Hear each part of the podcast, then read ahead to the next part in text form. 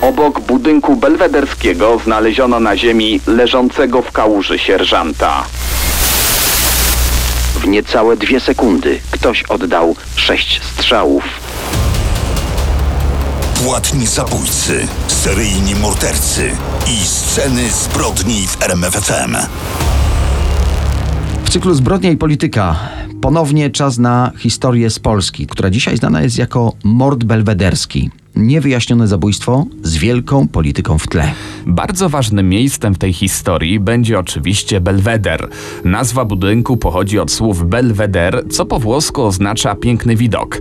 Ten warszawski Belweder to pałac klasycystyczny, który został odkupiony przez władze Królestwa Polskiego na początku XIX wieku.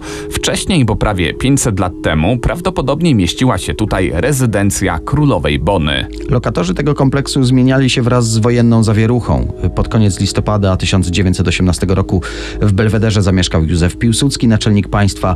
Urzędował tam przez 4 lata. Następnie pałac był siedzibą prezydentów II RP. Gabriela Narutowicza, który urzędował zaledwie kilka dni, to dlatego, że jak pamiętają nasi słuchacze, mówiliśmy o tym w naszych podcastach, zginął z ręki zamachowca. No i prezydent Stanisław Wojciechowski również miał tam siedzibę. Po przewrocie majowym w 1926 roku, podczas którego pałac został uszkodzony dwoma pociskami artyleryjskimi, do Belwederu wrócił Piłsudski, tym razem jako minister spraw wojskowych. Mieszkał tam do śmierci. Podczas II wojny światowej budynek stał się rezydencją Ludwika Fischera, szefa dystryktu warszawskiego, generalnego gubernatorstwa, które powstało na części terenu Polski po napaści III Rzeszy Niemieckiej. Po 1945 roku Belweder był siedzibą komunistycznych dygnitarzy, w tym przewodniczących Rady Państwa. W trzeciej RP w budynku mieszkał Lech Wałęsa, a później również prezydent Komorowski. Piękny pałac przez setki lat swojego istnienia gościł wiele mniej lub bardziej znamienitych osobistości, no i był takim niemym świadkiem skomplikowanych losów naszego kraju. Tak, po tym kronikarskim wstępie docieramy do stosunkowo ciepłej nocy z 4 na 5 grudnia 28 roku. Na zewnątrz pada delikatny deszcz ze śniegiem. W Belwederze razem ze swoją żoną odpoczywa naczelnik Józef Piłsudski. Sensacyjne wydarzenia, które wstrząsnęły Polską, najlepiej opisze artykuł z ówczesnej Gazety Robotniczej. Nocy ubiegłej w pobliżu Belwederu rozległy się dwa strzały, które zaalarmowały znajdujących się w Belwederze oficerów oraz stacjonujących na posterunku policjantów. Pierwszy nadbiegł posterunkowy Karpiński. W odległości 12 metrów od budynku belwederskiego znaleziono na ziemi leżącego w kałuży sierżanta Franciszka Koryzmę, który pełnił wartę u stóp tarasu. Natychmiast zaalarmowano wartownię oraz władze sądowe, wojskowe i cywilne. W kilkanaście minut na miejsce przybyły władze. Natychmiast zarządzono obławę. Zamordowany Franciszek Koryzma został dwukrotnie postrzelony w głowę, dokładnie w oko i czoło z bliskiej odległości. Mężczyzna około 165 cm wzrostu miał 30 lat i był starszym żandarmem. W polskim wojsku służył od 1918 roku, wcześniej w armii monarchii austro-węgierskiej. Czy to rzeczywiście wartownik był celem tego zabójstwa? Może napastnik chciał dokonać zamachu na Józefa Piłsudskiego? Daniel Dyk i Kamil Barnowski prezentują Sceny zbrodni w RMFFM. Z racji tego, że w pałacu znajdował się naczelnik Józef Piłsudski, śledztwo miało najwyższy priorytet. W stan alarmu postawiono wszystkie służby.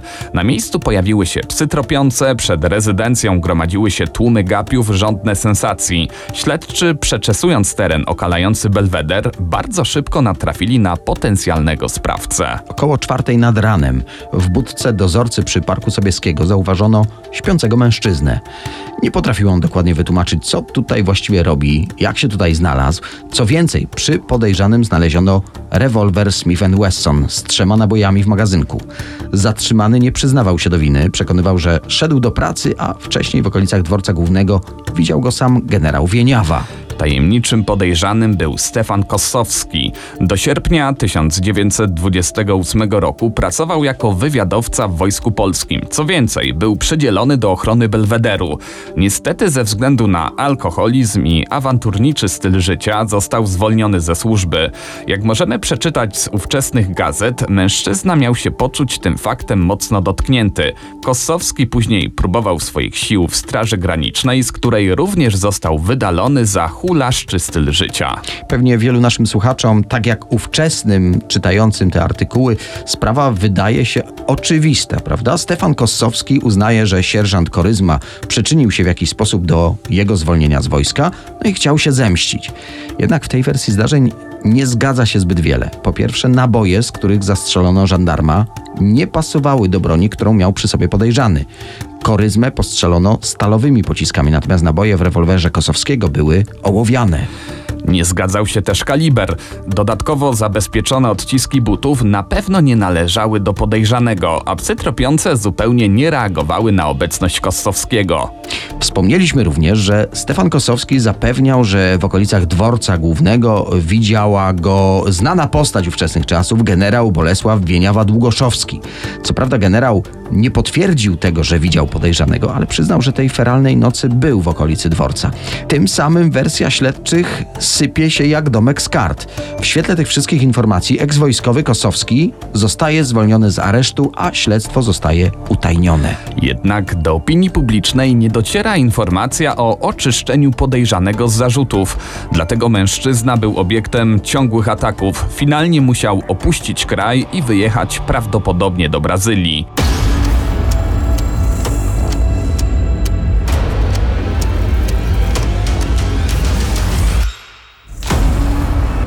Sprawa została, jak wspomnieliśmy, utajniona, dlatego po warszawskich kawiarniach zaczęły krążyć rozmaite teorie spiskowe. Bohaterem jednej z nich miał być Józef Piłsudski, na którego życie czyhało bardzo wiele osób w tamtym czasie. Według plotek przemęczony i podejrzliwy naczelnik feralnej nocy podczas przemieszczania się po Belwederze dostrzegł mężczyznę z bronią. Stwierdził, że to jakiś zamachowiec, dlatego oddał strzały. Po mieście chodziły też słuchy, że Piłsudski ma nawet pistolet, którego kaliber pasuje idealnie do ran koryzmy. Ta sensacyjna teoria nie wytrzymała próby czasu. Gdyby to naczelnik strzelał z pałacu, musiałaby zostać jakaś dziura w szybie po kulach. Dodatkowo wartownik był zbyt daleko od budynku, aby oddać tak celne dwa strzały. Ponadto Piłsudski przyznał później, że nie słyszał nawet wystrzałów, bo tej nocy spał wyjątkowo mocno. Te wersje potwierdzają również pracownicy Belwederu. Według badaczy do śmierci wartownika doprowadził konflikt w służbach. Dokładnie poszło o to, która z nich ma odpowiadać za ochronę naczelnika. I tutaj musimy wyjaśnić, że sprawa była trochę skomplikowana. Za bezpieczeństwo Belwederu odpowiadała żandarmeria wojskowa, natomiast zewnętrzny pierścień zabezpieczały jednostki podległe policji, która chciała wykazać niekompetencje żandarmerii i przejąć całkowitą kontrolę nad osobistą ochroną Piłsudskiego. Wacław Suchenek-Suchecki, ówczesny komisarz policji, nie cieszył się zbyt dobrą opinią. Uwagę śledczych skupił podopieczny Sucheckiego, Franciszek Sieczko, który po zabójstwie wartownika zapadł się na kilka dni pod ziemię. Po tym czasie wrócił z doskonale przygotowanym alibi. Sieczko to mężczyzna spod ciemnej gwiazdy. Jako nastolatek za chlebem wyjechał do Ameryki. W fabryce w Filadelfii zastrzelił kasjera. Tak wzbogacił się o 8 tysięcy dolarów. Uwzględniając dzisiejszą wartość, to była fortuna o wartości ponad 100 tysięcy dolarów. Sieczko zbiegł do Kanady, a potem wykorzystując chaos I wojny światowej, dotarł do Polski. Tutaj należał do partyjnych bojówek, oprócz tego gangsterskie życie, wymuszenia, napady, zabójstwa. Wiele wskazuje na to, że Franciszek Sieczko był człowiekiem naczelnika policji od brudnej roboty, tajnym agentem policji. Gangster na polecenie swojego szefa miał więc wykazać braki w ochronie Piłsudskiego, podejść blisko Belwederu i oddać dwa strzały. Wartownik stał się przypadkową ofiarą tej intrygi. Potencjalny zabójca dzięki swoim znajomościom nie został pociągnięty do odpowiedzialności. Jego udziału w morderstwie nie udowodniono. Dodajmy, że Sieczko nie nacieszył się wolnością długo, bo zginął w strzelaninie 14 miesięcy po pamiętnych wydarzeniach obok Belwederu. Blisko 100 lat po tych wydarzeniach wszystko wskazuje na to, że już nigdy nie dowiemy się, dlaczego zginął starszy sierżant Franciszek Koryzma. Płatni zabójcy, seryjni mordercy i sceny zbrodni w RMFFM. Od września będziecie mogli słuchać rozmaitych historii kryminalnych w każdą niedzielę w scenach zbrodni w radiu RMFFM, tak jak to było dotychczas. Musimy w takim razie zaznaczyć, że to jest ostatni odcinek wakacyjnego cyklu Zbrodnia i polityka. A jeśli chodzi o tę ostatnią historię, no to w niej jest dosłownie wszystko. Prezydent Stanów Zjednoczonych Ronald Reagan, piękna aktorka Judy Foster i szaleniec, który postanowił zdobyć jej serce w najgorszy możliwy sposób. A rozpoczniemy tę historię od sylwetki Ronalda Reagana. Aktor, który został 40. prezydentem USA. Zażarty przeciwnik komunizmu, który doprowadził do wygrania zimnej wojny ze Związkiem Radzieckim. Wielki polityk, chyba najlepiej oceniany prezydent USA w Polsce. To wszystko dzięki wsparciu, jakiego udzielał Solidarności. Kadencja Reagana mogłaby się jednak zakończyć już w trzecim miesiącu sprawowania urzędu. O jego życiu i przyszłości Ameryki zaważyło kilka milimetrów. 20 stycznia 1981 roku Ronald Wilson Reagan został zaprzysiężony na głowę państwa. Jego głównym konkurentem w wyścigu do Białego Domu był ubiegający się o reelekcję kandydat demokratów Jimmy Carter. Przedstawiciel republikanów zdecydowanie wygrał z urzędującym prezydentem. Niewiele ponad dwa miesiące później, 30 marca, Reagan odwiedził w Waszyngtonie hotel Hilton. Wszedł do budynku o 13.45, machając do entuzjastycznego tłumu. Prezydent nie miał na sobie kamizelki kuloodpornej, ponieważ był narażony na niebezpieczeństwo tylko w drodze od samochodu do hotelowego wejścia. Ten dystans wynosił zaledwie 9 metrów. Ronald Reagan wygłosił tutaj przemówienie dla blisko 5 tysięcy członków związków zawodowych. Secret Service doskonale znała ten budynek, prezydenci bardzo często tutaj gościli. Zresztą hotel był wyposażony w najnowsze systemy bezpieczeństwa, które zostały wdrożone po zamachu na prezydenta Kennedy'ego. Ronald Reagan wyszedł z budynku specjalnym wyjściem o 14.27. Tam czekała na niego spora grupa dziennikarzy i zwykłych gapiów. Odległość między głową państwa a tłumem wynosiła około 5 metrów. Prezydent podszedł jednak jeszcze bliżej dziennikarzy i odpowiadał na kolejne pytania. W pewnym momencie rozległ się niepokojący huk. W niecałe dwie sekundy ktoś oddał sześć strzałów. Pierwszy trafił w głowę sekretarza prasowego Białego Domu, drugi w kark policjanta, trzeci w wyniku szamotaniny z napastnikiem przeleciał nad prezydentem. Agent Jerry Parr wepchnął Reagana do rządowej limuzyny, a następnie drugi agent, Tim McCarthy, stanął na linii ognia i swoim ciałem zasłonił prezydenta. Czwarta kula trafiła McCarthy'ego w prawe płuco, uszkadzając i inne organy wewnętrzne. Drzwi opancerzonego samochodu nadal były otwarte. Piąty pocisk odbił się od kuloodpornego okna limuzyny. Ostatnia, szósta kula przeszła przez niewielką przestrzeń między uchylonymi tylnymi drzwiami pojazdu i trafiła rykoszetem w lewe płuco Ronalda Reagana. Kula minęła serce prezydenta o zaledwie 2,5 centymetra. Początkowo prezydent nie był świadomy, że został ranny. Sądził, że ten ból żebra jest spowodowany leżącym na nim potężnym agentem Secret Service. Po chwili Reagan odkaszlnął jednak krwią. Agent Jerry Parr nakazał kierowcy jechać do najbliższego szpitala, a nie do Białego Domu. I najprawdopodobniej ta decyzja ocaliła prezydentowi życie. Stacje telewizyjne z całego świata przerwały program. Do opinii publicznej docierały sprzeczne informacje o stanie zdrowia Reagana. Przełożono ceremonię wręczenia Oscarów, która miała odbyć się tego wieczoru. Ronald Reagan stracił połowę krwi, ale przeżył dzięki szybkiej reakcji ochrony i lekarzy. Niewiele brakowało, aby powtórzył się przypadek Johna Fitzgeralda Kennedy'ego, który zginął 18 lat wcześniej. Jak relacjonowały to ówczesne stacje radiowe, szczupły blondyn z Colorado, 25-letni John Warnock Hinckley Jr. Jego zamożna rodzina prowadziła firmę związaną z przemysłem naftowym. Chłopak był trudnym dzieckiem, przeciętnym uczniem, studiował prawo w Teksasie, którego ostatecznie nie ukończył. Jego marzeniem była praca w show biznesie, dokładnie chciał komponować piosenki. Dlatego w 1975 roku wyjechał do Los Angeles. Niestety ten American Dream nie zakończył się sukcesem. Ostatecznie po nieudanej przygodzie w branży rozrywkowej wrócił do domu. Tutaj zmagał się z depresją, brał odpowiednie leki, sporadycznie chodził do terapeuty, za to regularnie strzelał z broni. Bardzo ważnym filmem w życiu Johna Hinckley'a był film Taksówkarz z 1976 roku. Ponadczasowa produkcja w reżyserii Martina Scorsese. Do dzisiaj cieszy się ogromną popularnością. W rolach głównych Robert De Niro, Sybil Shepard i 13-letnia wtedy Judy Foster. Nie będziemy tutaj zdradzać fabuły filmu. Kto nie oglądał po tej historii może jednak się skusi. Dodajmy tylko, że główny bohater planuje przeprowadzić zamach na kandydata na prezydenta Stanów Zjednoczonych. Dorosły Hinckley zakochał się w Judy Foster, grającą w filmie małoletnią prostytutkę.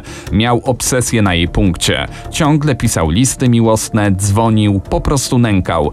Zapisał się nawet na Uniwersytet w Yale, gdy dowiedział się, że aktorka też tam studiuje. Chciał dokonać czegoś, czym zaimponuje Foster, dorówna jej sławą. John Hinckley postanowił zatem naśladować bohatera filmu Taksówkarz i zastrzelić prezydenta. Jego pierwszym celem był prezydent Jimmy Carter. Podążał za nim po Stanach, aż w końcu został aresztowany za nielegalne posiadanie broni. Jego zdrowie psychiczne ciągle się pogarszało. W międzyczasie nastąpiła, jak wspomnieliśmy, zmiana lokatorów w Białym Domu, więc nowym celem szaleńca stał się Ronald Reagan. Tuż przed zamachem wysyłał kolejne listy do Foster. Jeden z nich brzmiał następująco: W ciągu ostatnich siedmiu miesięcy zostawiłem ci dziesiątki wierszy, listów i przesłań miłosnych w nadziei, że zainteresujesz się mną. Chociaż kilka razy rozmawialiśmy przez telefon, nigdy nie miałem odwagi po prostu podejść do ciebie i się przedstawić. Powodem, dla którego teraz podejmuję tę próbę, jest to, że nie mogę dłużej czekać, aby ci zaimponować. 28 marca przyszły zamachowiec przyjechał do stolicy USA autobusem i zamieszkał w hotelu. Początkowo nie planował wtedy ataku, jednak w jego ręce wpadła gazeta, dokładnie we Washington Star, w której znajdował się artykuł opisujący najbliższe plany prezydenta Reagana. Tam dostrzegł informację o przemówieniu w hotelu Hilton 30 marca. Co działo się później, niestety wiemy. Hinckley, wykorzystując odpowiedni moment, oddał sześć strzałów z rewolweru ROM RG-14 kaliber 5,6 mm. Poważnie ranił cztery osoby, w tym prezydenta. Wykorzystał specjalne naboje, które miały eksplodować po tym, jak trafiły celu. Sam zamachowiec cudem uniknął śmierci, gdy po zatrzymaniu został zaatakowany przez dwóch działaczy związkowych.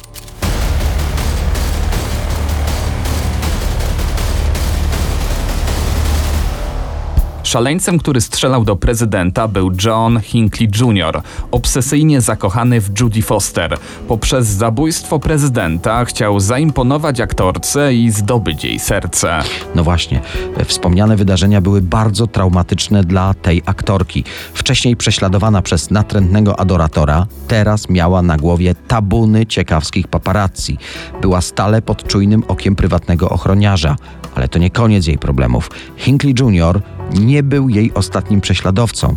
Według agencji amerykańskich służb jeden mężczyzna planował ją zastrzelić. Jeśli chodzi o prezydenta, to 70-letni Ronald Reagan wyszedł ze szpitala 12 dni po zamachu i bardzo szybko wracał do zdrowia.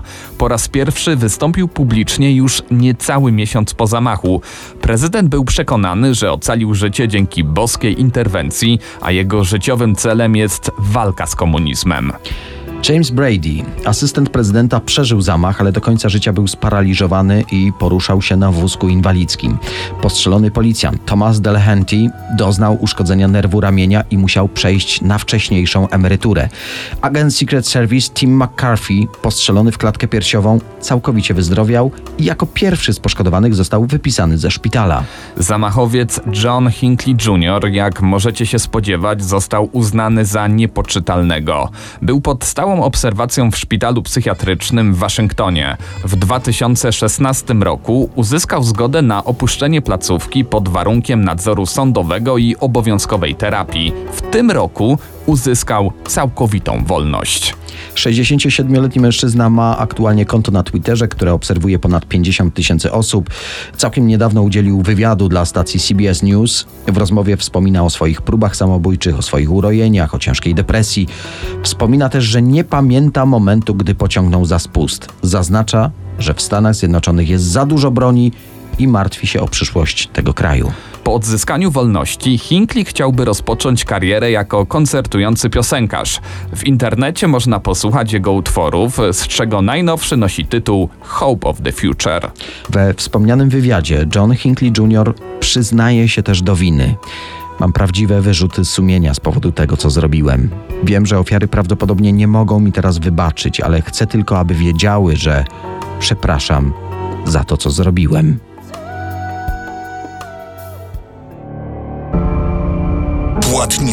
Zabójcy, seryjni mordercy i sceny zbrodni w RMFFM.